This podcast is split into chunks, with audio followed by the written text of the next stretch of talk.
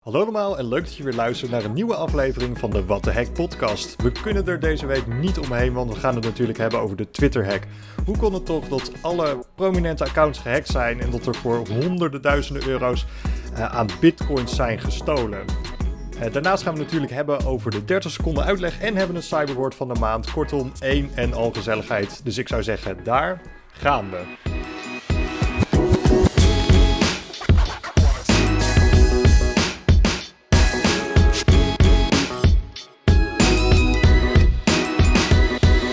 Welkom terug. We zitten hier weer in de digitale studio met natuurlijk Olaf. Hey. Diederik. Hallo. En ikzelf Jasper. Ja, we gaan het dus over de Twitter-hack hebben. Maar uh, daarbij moeten we even zeggen, we hebben deze week geen gast. Want we doen het even iets rustiger aan. Zoals je misschien hebt gemerkt is de vorige week het uh, uploadschema lichtelijk veranderd. Omdat wij uh, wat events, waaronder het welgeslaagde Cyber Bootcamp, hebben georganiseerd. Wat erg leuk was, maar het was wel even super druk. Dus vandaar de verlaten podcast. Maar vanaf nu hadden we lekker het schema aan. En gaan we het weer gezellig over de leukste cybersecurity onderwerpen hebben. Uh, vergeet ook niet als je reactie wil plaatsen. Dat kan natuurlijk op onze Instagram, @whatthehack, of via onze Twitter, of natuurlijk via ons e-mailadres hallo@whatthehackpodcast.nl. Zullen we, gewoon, zullen we gewoon gelijk beginnen, jongens? Of willen jullie nog wat, uh, wat vertellen? Hebben jullie nog wat meegemaakt? Nou, ik was net terug aan het fietsen en toen vloog er een, een mug in mijn mond. Dus als mijn stem een beetje raar klinkt, dan, uh, dan weten jullie dat. ik, ik, dacht al, waar ga, waar ga je heen met dit verhaal? oh ja, dit is trouwens ook de eerste podcast dat we ook een klein biertje drinken, drinken tegelijkertijd. Hier, ik begin nu al uh, raar te praten. Ja, dit, is gewoon een excuus, omdat uh, Olaf en Diederik die hebben al een aantal biertjes op. Dus ze dachten, als we er dan nu eentje extra drinken, dan valt het wat minder op. En natuurlijk hebben we een reactie oh, die we even willen uitlichten van de podcast van vorige keer. Olaf, weet jij er meer over? Ja, zeker. We hebben het natuurlijk vorige keer gehad over het uh, loterijticket van Diederik. Uh, dat hij 20 euro had gewonnen. Um, nou, al dus uh, een van onze luisteraars is dat uh, niet echt zo, maar is dat slechts een truc uh, om je te laten denken dat je iets gewonnen hebt. Zodat je lid blijft of weet ik veel meer loten koopt. Ik weet, Diederik, heb jij ooit nog je 20 euro gezien? Nou ja, het is niet, niet mijn account. Het is een account van iemand anders. Dat op mijn e-mailadres is geregistreerd. Ik weet niet of het een truc is. En je hebt verder niks geprobeerd om nee, het te claimen? Ja, waar, waarom zou ik het proberen? Het, het, het, het geld is niet van mij. Ik, ik ben niet zo van de loterijen, weet je wel. Dus ik heb liever niet het verhaal aan mijn naam dat ik een keer 20 euro heb gewonnen met een loterij. Dan hoef ik het geld eigenlijk ook niet te hebben. Maar ik, ik denk okay. dat het echt is.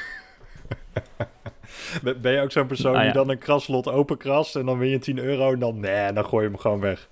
Klein geld. Over kraslood gesproken, ik heb er nog twee liggen. Die moet ik nog even terugbrengen. Die, die krijg ik nog een nieuw kraslot voor. Ik zal jullie volgende week even vertellen, over twee weken trouwens, even vertellen of er nog wat uitkwam. Misschien kan je hem wel live openkrassen. Voor mij is het tijd voor ons hoofdonderwerp, de Twitter-hack.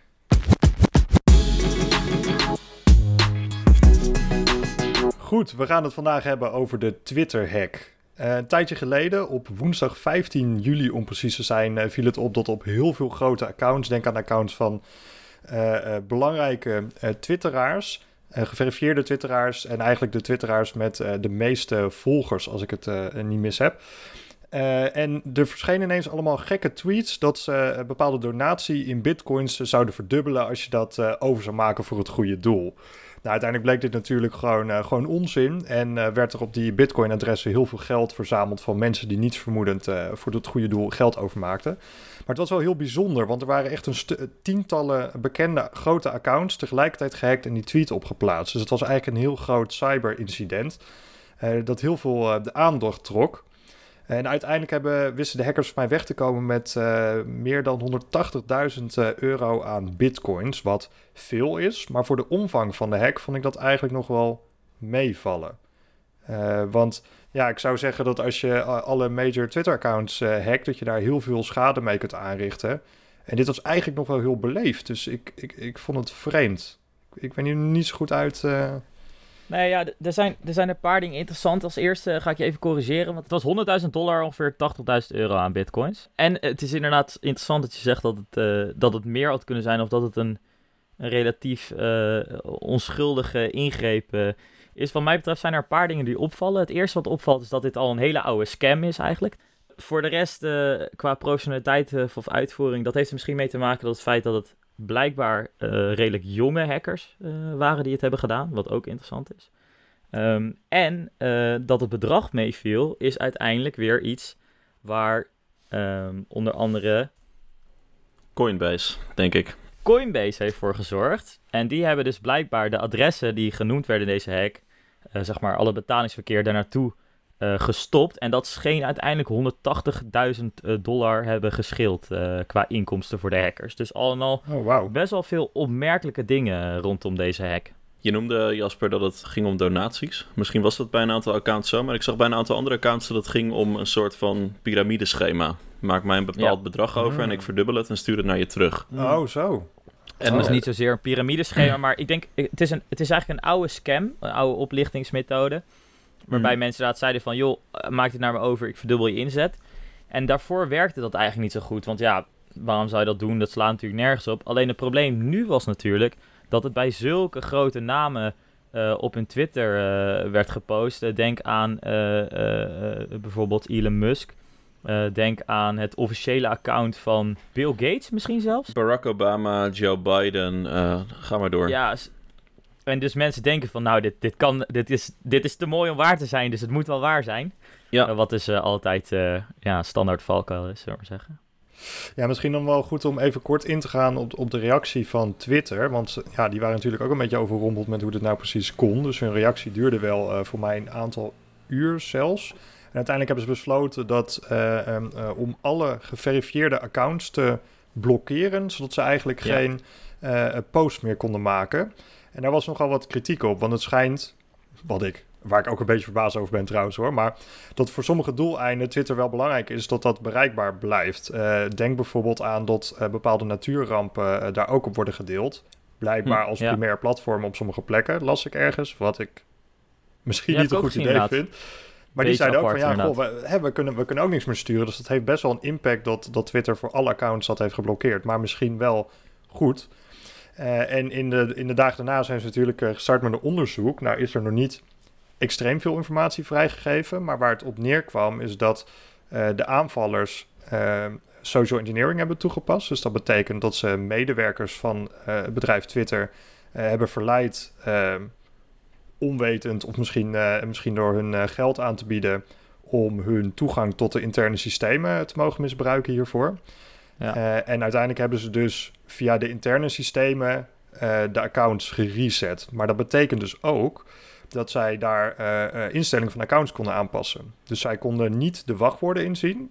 Wat ze dus deden, is hun e-mailadres veranderen. En dan konden ze een wachtwoord vergeten doen. En dan wordt er een e-mailtje met een nieuw wachtwoord naar e-mail gestuurd.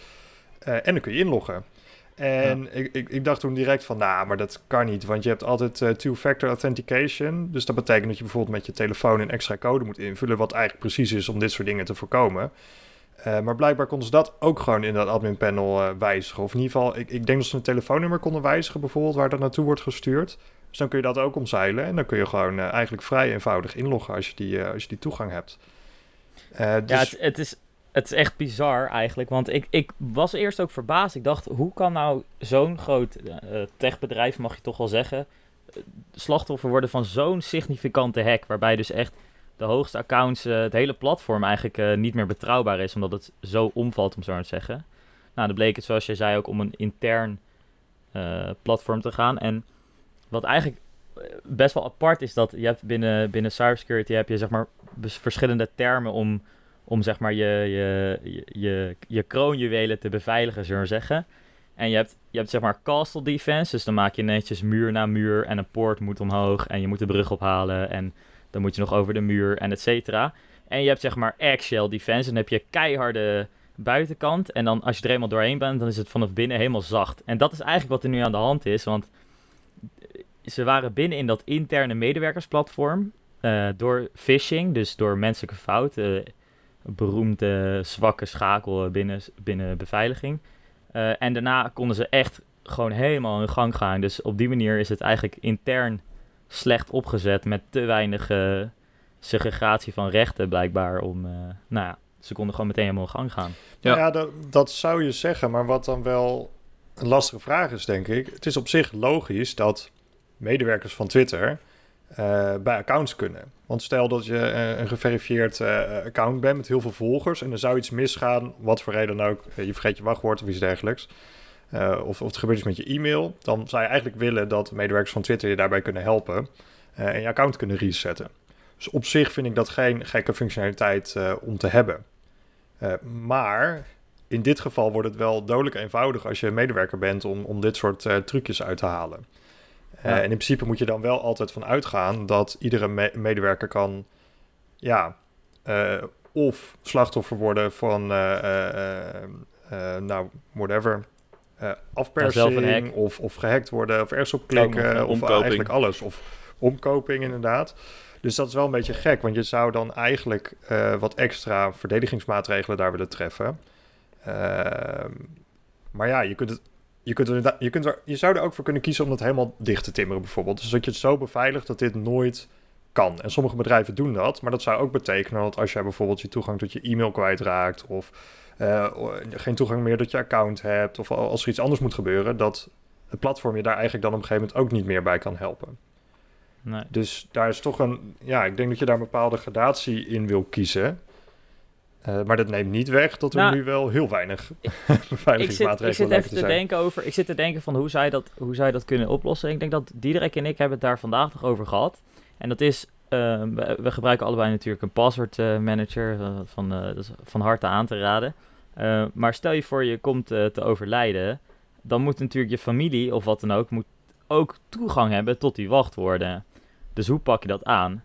En hoe volgens mij veel wachtwoordenmanagers dat aanpassen. Dus dit is de meest kritieke informatie. Dus je wil uh, iemands anders hoofdwachtwoord veranderen, zodat je erbij kan, zodat je nog wat dingen kan regelen, whatever.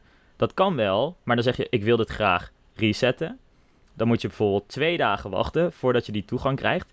En in de tussentijd kan dus degene die dan gehackt wordt, of in dit geval wanneer het met goede intentie is, heeft dan nog tijd, zeg maar, om dat te annuleren, mocht het niet de bedoeling zijn. En met iets veranderen, zoals een tweede verificatiestap, uh, two-factor authentication, zou je dat toch wel op zijn minst verwachten.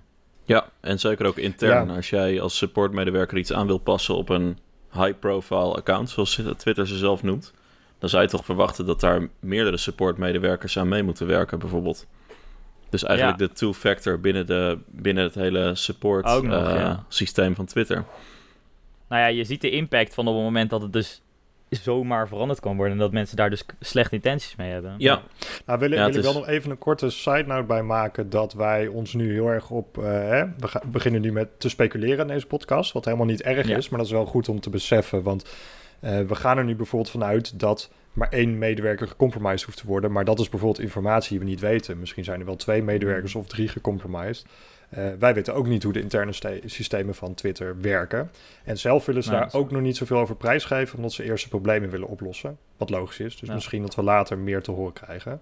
Maar ik vermoed wel dat er een. Uh, nou ja, dat, dat kan. Dat, we kunnen naast zitten. Maar het is wel een interessant gedachte-experiment, denk ik. Want uh, ik ben ook wel heel benieuwd wat voor maatregelen zij zelf gaan treffen. ik, ik vind zelf wat je zelf zegt, hè, om, om een account te lokken voor één of twee dagen uh, voordat je de two-factor authentication bijvoorbeeld kunt resetten. Dat vind ik een hele mooie maatregel. Ik ben benieuwd of ze dat ook gaan gebruiken. Het is niet de meest uh, gebruiksvriendelijke maatregel natuurlijk. Er zijn genoeg legitieme redenen om je wachtwoord te willen resetten. En dan ben jij net uh, Elon Musk bijvoorbeeld. Ja. Ja, en dan ben je de Sjaak. Dan mag je een week wachten straks voordat je je wachtwoord kunt resetten. Nou ja, een week is misschien wel heel erg. Maar inderdaad, we komen elke keer terug eigenlijk op dezelfde... Elke podcast wordt eigenlijk wel genoemd. Je hebt altijd de afweging tussen gebruiksgemak en beveiliging. Helaas. Ik, ik zat ook een beetje te fantaseren. En ik ben wel even benieuwd wat jullie daar ook van vinden. Van, kijk, nu, nu is er toch iets redelijk onschuldigs gedaan. Lijkt het in ieder geval. Maar je zou, uh, hè, stel je zou dus toegang hebben tot, tot elk uh, Twitter-account. Dat kun je resetten of dat kun je op grote schaal vlot doen. Dus je zou dan op heel veel accounts tweet kunnen zetten. Wat, voor schade kun je daarmee aanrichten? Want ik heb best wel, ik heb een aantal artikelen dan gelezen hierover. En die zeggen wel van ja, goh, uh, wat dacht je van de politieke campagnes in, in de United States? Zou je flink kunnen beïnvloeden. Ja. Uh, merknamen kun je helemaal naar de klote helpen, hoe ver ik het uh, begrijp. Als je bijvoorbeeld als uh, ja. Tesla zijn een tweet doet uh, zoals die van Elon Musk ooit gedaan heeft, dan kelderen direct de, de prijs van de aandelen. Daar, daar heb je geen hacker voor nodig tegenwoordig. Dat, dat doet hij zelf wel. Dat doet hij zelf wel. Er zijn hier twee verschillende scenario's. En, en hier wordt de, de vulnerability wordt gebruikt op een slechte manier. Maar het eerste wat ik deed toen die hack bekend werd, was opzoeken wat gebeurt er als je dit een, een bug vindt in dit platform waarbij je accounts kunt overnemen? Wat gaat Twitter je dan betalen als je dat netjes aangeeft? En dat is in dit geval 7700 dollar. Ehm, niet een bijster hoog bedrag als je vergelijkt met wat er in bitcoins vervolgens is binnengekomen. Aan de andere kant, het een is legaal, het andere is uh, totaal illegaal, niet ethisch, noem maar op. Ja, en het is geen bug eigenlijk, hè? Ja, het, het was wel een hack, maar het was niet een, een fout in hun code. Dit is gewoon hoe hun processen werken. Het, het is een, een hack in het proces en niet zozeer een hele technische. Ja, dat is natuurlijk een schijntje. Uh, het enige verschil is natuurlijk wel dat als je het netjes via uh, een bug bounty programma of wat dan ook uh, weet te melden, dan krijg je dat gewoon wit op je rekening gestort. En ja. nu krijgen de hackers veel meer, maar natuurlijk wel zwart geld. Dat is op zich ook nog wel interessant uh, hoe ze daar uh, uiteindelijk mee weg denken te komen. Uh, daar kunnen we misschien later nog wat even over vertellen. Ja, nou, ik ben, ik ben wel benieuwd. Want de, de reden dat we weten waarom er zoveel geld dus specifiek is weggesluist... is omdat bitcoin... Daarvan is eigenlijk gewoon publiek te zien hoeveel geld er naartoe en vandaan gehaald wordt. Klopt, ja. Ehm, ik, ik, heb, ik heb iemand er ooit uh, heel, uh, heel mooi uh, horen zeggen. En dat is eigenlijk dat, dat bitcoin is een soort Twitter voor je bankrekening. Ja. En dat is nu natuurlijk wel extra toepasselijk, die, die uitspraak. Ja. ja, wat er natuurlijk gebeurt is dat elke transactie die wordt op de, de blockchain weggeschreven. Dus dat is allemaal inzichtelijk voor iedereen om te volgen. maar er zijn natuurlijk een paar slimme trucjes ehm, om dat geld alsnog uh, weg te sluizen zonder dat mensen het nog kunnen volgen. En wat, uh, wat de, de, hackers in dit geval hebben gedaan, is dat ze hebben door een, een mixer gegooid. hebben, hebben ze dat en kunnen ze dat zien, uh, dat ze ja, dat hebben gedaan? Ja, dat weten ze. Hij is hmm. door, door een mixer gegaan. En, en wat, wat een mixer eigenlijk doet, is dat je pakt een hele hoop met transacties, bitcoin transacties bij elkaar. je husselt ze allemaal door elkaar. En daarna schrijf je ze weer terug naar willekeurige rekeningen. En dan is het heel erg moeilijk om te bepalen uh, welke rekening uh, A gekoppeld is aan uh, welke rekening B van waar het vandaan komt.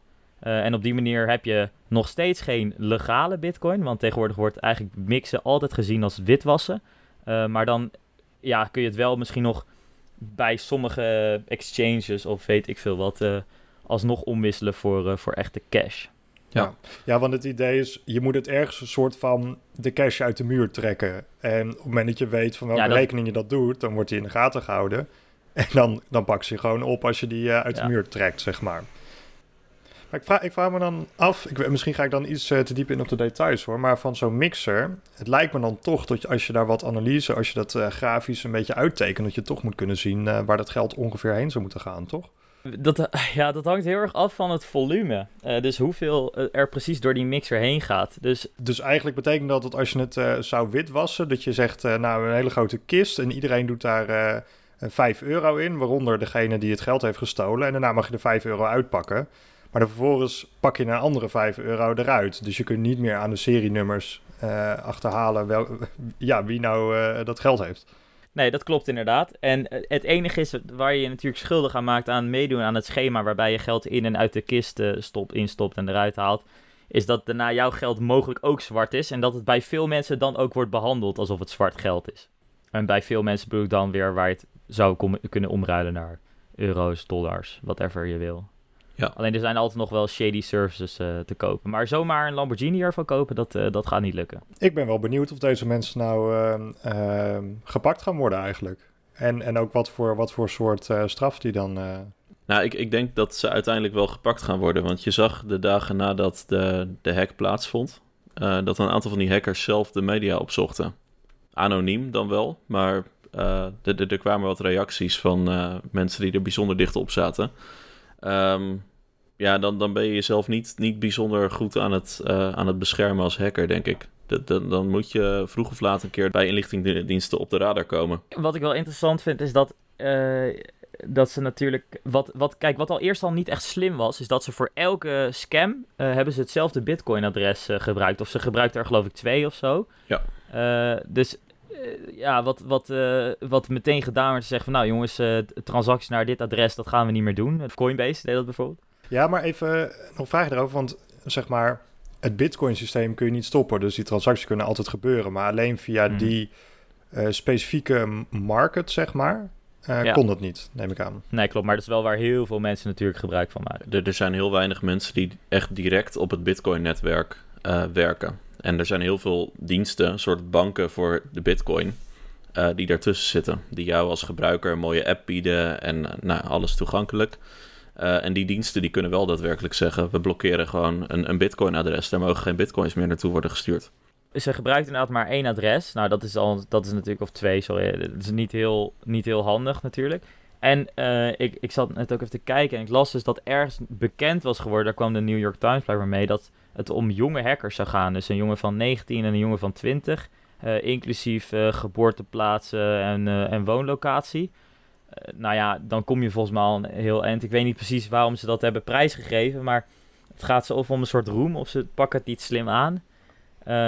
Ja, het is een soort eh, onprofessioneel. Ik denk dat ze nog wel tegen de lamp gaan lopen en dan... eh, Ja, Ja. Hoe, hoe ik het had begrepen, maar nogmaals, dit is natuurlijk een beetje speculatie, want dit weten we niet zeker, is, is dat inderdaad... eh, ehm, waarschijnlijk zaten mensen al langer in dat interne eh, Twitter-netwerk. En wat ze dan deden is eh, bekende namen verkopen. Dus dan reset ze het wachtwoord en zeggen ze... nou, voor 3000 euro of zo, dan, eh, dan Mm. krijg je die naam. ja. Eh, nogmaals, speculatie. Ehm, en ik gok dan dat ze toen op een gegeven moment zoiets hebben bedacht. Maar ik, ik, ik, ik, ik moet zeggen, ik vind het nog niet echt een, een, een meesterplan om eh, eh, eh, hele grote klapper te maken. Of nou ja, ja, het heeft wel veel impact, maar niet financieel gezien, zeg maar. Nee, dus het, het, het, het ruikt een beetje naar niet ervaren hackers, Nee. om maar zo te zeggen. Nou ja het, ja, het is wel jammer dat als ze zeg maar eh, jong zijn en, eh, en blijkbaar wel, wel handig. eh, ze kunnen blijkbaar gewoon medewerkers om de tuin leiden en hebben ook de technische kennis om het vervolgens allemaal uit te voeren. Hoewel het niet heel complex is in dit geval. Ehm, waarschijnlijk.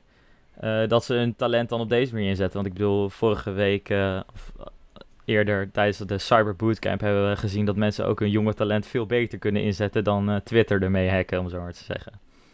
Ja, zeker weten. En zeker over de impact gesproken, je vroeg net eh, wat ongeveer het ergst denkbare is. Ehm, eh, je hebt het al gehad een beetje over politiek of, een, kamp- of, een, of een merk om zeep helpen. Ik denk de ergste die ik heb gelezen was dat bijvoorbeeld we hebben onze famous Mr. Trump. Die doet nog wel eens aan Twitter. Ik denk dat hij als op, op het moment dat hij de oorlog eh, aan China zou verklaren op Twitter, dan zou dat nog wel eens behoorlijk serieus genomen kunnen worden. Ja, Ja, Jeetje. erger dan dat gaat denk ik niet worden. en dan laat maar eens zien hoe belangrijk zo'n platform als Twitter tegenwoordig is. Ja. Als hij twittert, nukes are on the way to China, dan eh, zou het wel eens helemaal schuin kunnen gaan. Ja.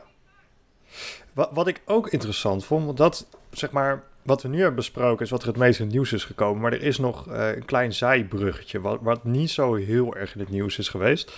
Eh, maar dat is als je eh, inlogt op zo'n Twitter-account, dan staat er natuurlijk meer data op dan de data die publiek is. Namelijk al je privéberichten die je stuurt met het platform. Ah, en wat uit bronnen heb ik vernomen dat, dat er voor vier tot acht van die accounts is alle data Oh ja. verzameld, waarschijnlijk, naar, naar schatting. Eh, en dat zou dus kunnen betekenen dat ook die privéberichten allemaal eh, gelezen zouden kunnen worden. Ja, het en in, gedeeld weer. ja, nou het scheen in dit geval dus niet bij eh, grote geverifieerde accounts gebeurd te zijn. Voor zover ik dat eh, eh, mag aannemen. Ja. Maar dat ontketent wel een discussie, namelijk... wa- Wat is de impact dan? Wordt die een stuk groter? Wat, wat, gebeurt, wat, staat er in die messages en, en hoe belangrijk zijn die? Hoe privé zijn die? Ik zat ook nog te denken, en maar daar gaat het wel, daar gaat het nog veel meer op speculatieniveau. Stel nou dat, dat eh, eh, hè, al die, eh, die bitcoin eh, ehm, eh, en die tweets op die grote accounts, stel dat dat een smokescreen was. Dus dat dat niet het echte doel was van de aanval. Oké, en wat zou dan wel het echte doel zijn van de Ja, dat, dat vraag ik me dan af. Maar het zou dus kunnen zijn om bepaalde privéberichten te bemachtigen bijvoorbeeld. Dan is dit een perfecte afleidingsmanoeuvre, om maar wat te noemen. Ja, maar in combinatie met dat jij dat Twitter in principe aangaf, of misschien doen ze dat om geen paniek te zaaien, dat er in principe geen gegevens waren gedownload van grote geverifieerde accounts. denk ik dat het niet zo is. Ik, want ik, dat dacht ik ook al meteen van, als je die mogelijkheid hebt, doe dat dan ook, want dan heb je pas echt impact. Nou, ja, wat, wat Jasper zegt, die, die, die data die is gedownload van accounts, dat ging om de ja, GDPR download al mijn data knop. En die is acht Mhm. keer gebruikt. Eh, maar dat zegt natuurlijk niks over wat er op die andere accounts gebeurd is. Je kan prima gewoon in de Twitter-app of website zeggen: Ik wil mijn privéberichten zien. En Ja, is wellicht is dat ook gebeurd, maar dat weten we op dit moment niet. Screenshots maken en eh, verkopen die handel. Ja. Oeh. Aan de andere kant, hoeveel mensen gebruiken Twitter nou echt voor hele vertrouwelijke informatie, die privéberichten? Nou, dat zal je denk ik verbazen. Ik weet niet of die, die grote accounts dat doen. Ik heb toch het idee dat platformen als eh, WhatsApp en eh, Facebook Messenger misschien, geen idee, Telegram, dat die daar daadwerkelijk eh voor dienen. Zou je zeggen, maar ik verbaas me tegenwoordig nergens meer over. Maar misschien is het nu wel een goede wake-up call. Dus dat je misschien eh, de juiste diensten moet gebruiken als je belangrijke Ja. informatie wil oversturen. Het, het lijkt een triviale les, maar misschien is het nog wel even een wake-up call voor, eh, voor een aantal mensen op deze wereld. Nou goed, we hebben dus nu best wel een eh, grote discussie al gehad over de Twitter-hack. Eh, we hebben besproken wat, nou, hoe, hoe het precies is gebeurd. We hebben gespeculeerd. We hebben gekeken naar wat Twitter nu precies kan verbeteren, waar, waar ik overigens erg benieuwd naar ben. Ehm, eh, en we hebben gekeken wat, ja, wat voor andere dingen er nou schuil gaan achter zo'n hack. Ik denk dat op dit punt ons eh, niet zo heel veel meer resteert dan onze takeaways. Ben ik eigenlijk wel benieuwd naar. Olaf, wil jij eh, beginnen? Zeker. Ik heb het natuurlijk al genoemd, eh, maar mijn takeaway zou in dit, op dit vlak echt zijn voor Twitter. en dus ook alle andere bedrijven die iets willen beveiligen. Zorg ervoor dat je beveiliging gewoon uit, uit meerdere lagen bestaat. En dan ook echt altijd. Dus dat het niet zo is dat je één harde schil hebt. En als je die eenmaal hebt binnengedrongen, dat je dan alles kan. eh, zoals hier het geval was. Dus eh, Castle Defense in plaats van Eggshell Defense. Ja, ja, ik sluit me daar helemaal bij aan. Ik denk eh, dat Twitter op, op dit vlak technisch misschien wel aan Castle Defense doet. Maar op sociaal vlak is het meer een, een Excel blijkbaar. En dat wordt vaak vergeten. Social engineering is, is best gevaarlijk. Over social engineering gesproken trouwens, het is best interessant dat daar, of nou misschien ook wel goed, maar daar daar zijn geen bug bounties voor volgens mij. Nee, vaak worden die juist geëxclude. Want ze willen niet Ja. dat mensen gaan bellen naar hun eh, support van... eh, Ja, er eh, wordt de hele dag worden lastig Ja. gevallen. Ja. dat is heel naar. Maar er worden wel, wat, dat is wel even vet om te noemen. Er zijn wel eh, eh, tests die bedrijven uitvoeren die eh, niet alleen op één technische applicatie bijvoorbeeld Ja. gaan, maar over de hele breedte. Dus die gaan echt kijken naar van, goh, hoe kunnen we nou zoiets als een Twitter-hack uitvoeren? En dan kijken ze dus niet alleen naar de technische gaten, maar ook naar de sociale gaten. Zoals bijvoorbeeld, kunnen gewoon bij het gebouw naar binnen lopen en een server met data meenemen bijvoorbeeld. Ja. Want als dat kan, dan kun je technisch heel veel dingen doen. Dus dat is wel echt eh, James Bond eh, werk. Red Nice. teaming. Ehm, Gaan we nog een keer een episode over maken. Ja. Absoluut. Leuk, ik Oké, heb er nu al zin in. Ik ook. Maar ik heb ook een eh, takeaway. En dat is eh, niet voor Twitter, maar meer voor eh, gebruikers eh, van het internet. Eh, eigenlijk vind ik in ieder geval, is elke vorm van betaling die je moet doen voor een goed doel of whatever. En het gaat via Bitcoin, dan moet je eigenlijk al drie keer achter je oren krabben. Want dat, eh, ja, is wel een beetje gek. En vaak als iets een beetje gek is, dan eh, is het niet helemaal aan de haak. Dus eh, ik zou zeggen, nooit geld overmaken naar een Bitcoin-adres eh, als iemand dat random eh, vraagt, zou ik zeggen. zelfs als het de oprichter van Tesla is. In, in, in dat daglicht ben ik nog best verbaasd dat zoveel mensen geld hebben overgemaakt. Maar goed, Ja, het is, het is een, een spelletje van, van hele grote getallen natuurlijk. Eh 0,001% van de mensen trapt erin. Maar het is nog steeds Ja. genoeg om een paar ton buiten te maken in deze situatie. Nou, wat je zag is dat eh, je had een mooie analyse, een grafiekje van hoe, welke bedragen overgemaakt worden. En het, het kabbelde een beetje binnen, totdat twee keer achter elkaar mensen richting de 40.000 eh, dollar aan bitcoin hebben overgemaakt. Dus er zijn twee mensen echt heel erg ingetrapt. Wow, dat is wel interessant. Ja, Goedemorgen.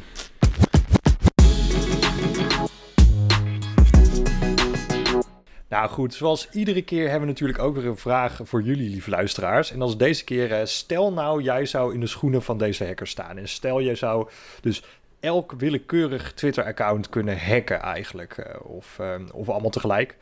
Wat zou je dan doen? Wat zou jij twitteren of, of doen? Of, laat het ons het is een weten. beetje de, de ouderwetse variant van als je één dag iemand anders zou mogen zijn, wie zou je dan willen zijn? Ja, Ik, eh, ik zou het wel weten, denk ik. wat, wat, zou, wat zou jij doen dan, Diederik? Ik zou Elon Musk een keertje nadoen, maar dan een keer de, de, de beurskoers omhoog twitteren in plaats van omlaag. kan je niet beter, zeg maar, de beurskoers omlaag twitteren, omdat het sowieso gaat lukken, en dan daarvoor even shorten? Ja, dan valt het ook minder op als je de beurskoers omlaag twittert. Het is wel bijzonder illegaal trouwens. Uh, goed, omhoog of omlaag, heel illegaal. We zijn dus heel benieuwd naar je antwoord op de vraag: wat zou jij doen als je toegang had tot iedereen zijn of haar Twitter-account? Stuur het alsjeblieft op naar de e-mail hallo@wathekpodcast.nl of via ons Instagram @watthehek. Dan is het alweer tijd. Tromgeroffel. De 30 seconden uitleg natuurlijk. Hé, hey, maar wie is er aan de beurt om in 30 seconden een onderwerp uh, hapklare brokjes uit te leggen? Even een ratje draaien. Oké, okay, daar gaan we. Het is Jasper. Oh, yes. Yes, yes, yes. Goed, Jasper, we hebben een vraag voor jou bedacht. Zit jij er klaar voor? Ik zit er helemaal klaar voor. Wij, um, wij noemden net dat de, de aanvallers toegang hadden tot de interne systemen van Twitter. Maar om daadwerkelijk toegang te krijgen tot de accounts, moesten ze eerst het e-mailadres aanpassen en het wachtwoord resetten. En hoe kan het nou dat als je toegang hebt tot alle systemen, dat je nog steeds niet het wachtwoord van alle accounts kunt zien? De 30 seconden gaan nu in. Dat is een hele goede vraag. Uh, nogmaals, het is een klein beetje speculatie natuurlijk, maar als het goed is, wordt een wachtwoord op zo'n manier versleuteld dat het door niemand terug te halen is. Dat heet een, uh, een hash-functie. En op het moment dat je, de, je het wachtwoord daar doorheen gooit, als je twee keer hetzelfde wachtwoord er doorheen gooit, dan komt er hetzelfde uit. Dus als je inlogt, wordt je wachtwoord ook door die hash-functie gegooid. Kun je checken of die goed is. Maar in de database staat dus alleen maar die gehashte wachtwoorden. En daar kun je niet het originele wachtwoord uit terugleiden. Uh, dus dan kun je niet anders dan je wachtwoord resetten. Yes. Lijkt me helder. Ik hoop het. Die hash-functies zijn zo willekeurig dat als je één letter verandert in het wachtwoord, dan komt er echt iets compleet willekeurig anders uit. Dus het is op onmogelijk om af te leiden vanuit de hash uh, wat het wachtwoord is. Ja. Ja, wat wel interessant is dan, er zijn dus heel veel van die hash-functies. En uh, sommige zijn ook wat ouder en niet meer veilig. Dus als je die hebt, dan uh, wordt het toch een stuk makkelijker om die uh, wachtwoorden terug te rekenen. Door gewoon bijvoorbeeld heel veel wachtwoorden te proberen.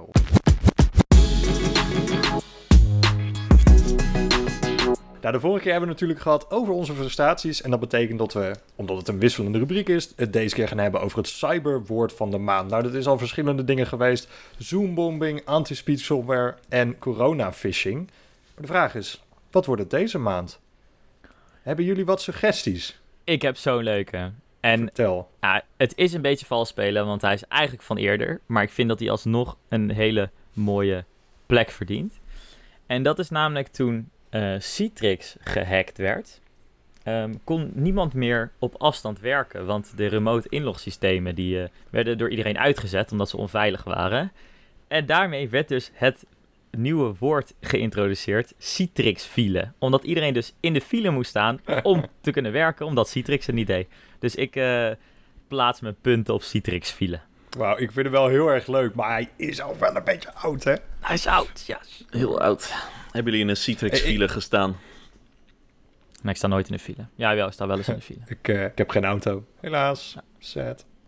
Helaas. Ik, ik had wel nog een andere en die is misschien een beetje uh, flauw, omdat het gewoon een, uh, eigenlijk al een oeroud woord is. Maar voor de mensen die het nog niet kennen, is het misschien wel leuk om dat over te vertellen.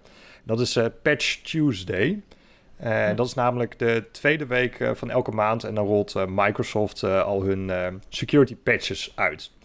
En wat er dan feitelijk gebeurt, is dat zij die, die uitrollen en dan zeggen ze eigenlijk van oké, okay, nu zo snel mogelijk updaten. En dan gaan dus mensen die kwaad willen, die kunnen dan vanaf dat moment snel kijken wat er gewijzigd is om ja. Nou ja, die lekker eventueel te misbruiken. en zo was er ook bij de vorige Patch Tuesday in, in juli. Het welbekende DNS-lek. Uh, en die kreeg zelfs ja. een, want ehm, grote beveiligingslekken die krijgen een, een, score om aan te geven wat de impact ervan is. En deze kreeg een 10 van 10. omdat je basically, nou ja, met het lek kon je direct een systeem overnemen. en dat kon zelfs ook geautomatiseerd. En dat is niet heel handig. Dus ik heb allemaal tweets voorbij zien komen met hoe stom je wel niet bent als je deze patches negeert. Dus ik vond het wel, ik vond het wel een geestig verhaal.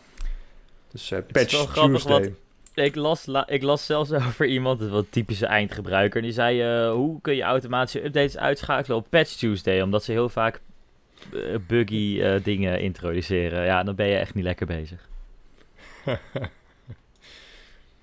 Maar het is wel, het is wel een eeuwige strijd natuurlijk. Want je wil niet patchen omdat het veel tijd en resources kost. Maar je moet wel snel patchen, want Ja. anders heb je een probleem, zeg maar. God, Dus- Het is net alsof je zeg maar gebruikersvermak moet zien te combineren met security. Wat is niet ja, dat klopt. Maar, maar het wordt natuurlijk wel een iets ander verhaal als je een groot bedrijf hebt en je hebt kritieke Absoluut. servers. En misschien moeten die servers opnieuw opstarten eh, na die updates. En dat betekent dat ze een tijdje uit de lucht zijn. En voor sommige systemen is dat echt, eh, kost dat of heel veel geld of eh, is dat echt bijna niet mogelijk. Ehm, dus dan moet je ineens al best wel veel ehm, extra dingen doen om te zorgen dat de impact niet zo groot is. Maar daarmee praat ik het zeker niet goed. Ik denk dat we eruit Ik- zijn, jongens. Het wordt de Citrix-file. Vinden jullie niet? Ja, helemaal mee eens. Ik denk eh, dat de organisatie achter het groene boekje het daar ook mee eens is. Kijk even naar de jury. Top. Ik Ja, de jury eh, steekt een duim op, dus eh, het mag. Het wordt de Citrix file wel verkeerde maand, maar wel een heel leuk woord.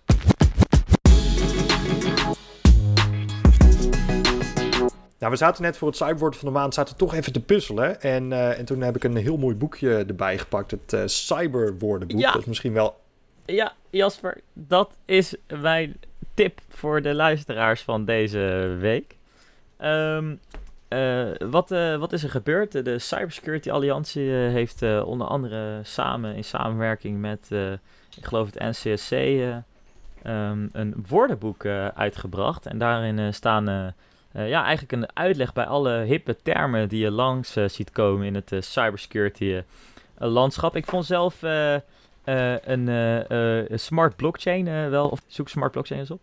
Ik, eh, ik, ik sla hem snel open, even kijken. Ja. Mijn woordenboekskills zijn niet meer eh, zo helemaal eh, hip. Ik denk dat hij alleen in het buswoordenboek staat en niet in het cybersecurity nee, nee, nee. woordenboek. Nee, nee, nee, nee, nee. Smart blockchain. Nieuwe term die geen zinvolle betekenis heeft. Oké, ja, dat ja. vond ik echt de mooiste die erin stond. Maar goed, er zijn natuurlijk ook gewoon serieuze eens. dingen. Eh, dus ik adviseer hem alle luisteraars om even te gaan naar cybersecurityalliantie.nl. En dan nog een heleboel hoep zooi. Je moet iets van vier keer klikken voordat je er bent. Maar het eh, wijzigt wel, want het staat op de homepagina. Eh, ja, scroll er een keer doorheen. En er komt natuurlijk een linkje in de show notes. Dan kunnen ze direct eh Ja. Dat is wel veel makkelijker. Ja, dat is wel leuk. Dan kunnen de luisteraars eindelijk eh, een beetje begrijpen waar onze hippe terminologie vandaan komt. Want dan eh, hop, sla je het boekje gewoon even open en dan... Weet je alles. Dus als wij bijvoorbeeld een woord zeggen als end-to-end encryption, dan sla je snel even je boekje open en dan weet je waar het over gaat. En als je het niet weet, dan stuur je natuurlijk een, een Instagram berichtje naar @whathehek of een Of een e-mailtje naar hallo@whathehekpodcast.nl. En dat moet je sowieso doen, want je gaat natuurlijk antwoord geven op de vraag van deze week. En dat was namelijk, eh, ja, wat zou jij nou doen als je toegang had tot iemand of iedereen zijn eh, Twitter-account? En met deze woorden sluiten we ook de podcast eh, voor deze keer weer af. Vergeet ons ook niet te volgen op Spotify. Ehm, en we vinden het natuurlijk leuk om al jullie feedback te horen. Dus stuur ons sowieso een berichtje met je antwoord. en wie weet feature je in de volgende episode. Wij zijn over twee weken weer terug. En eh we zien jullie dan. Dit waren Olaf, Tot de volgende. Diederik You. en ikzelf Jasper. Doei!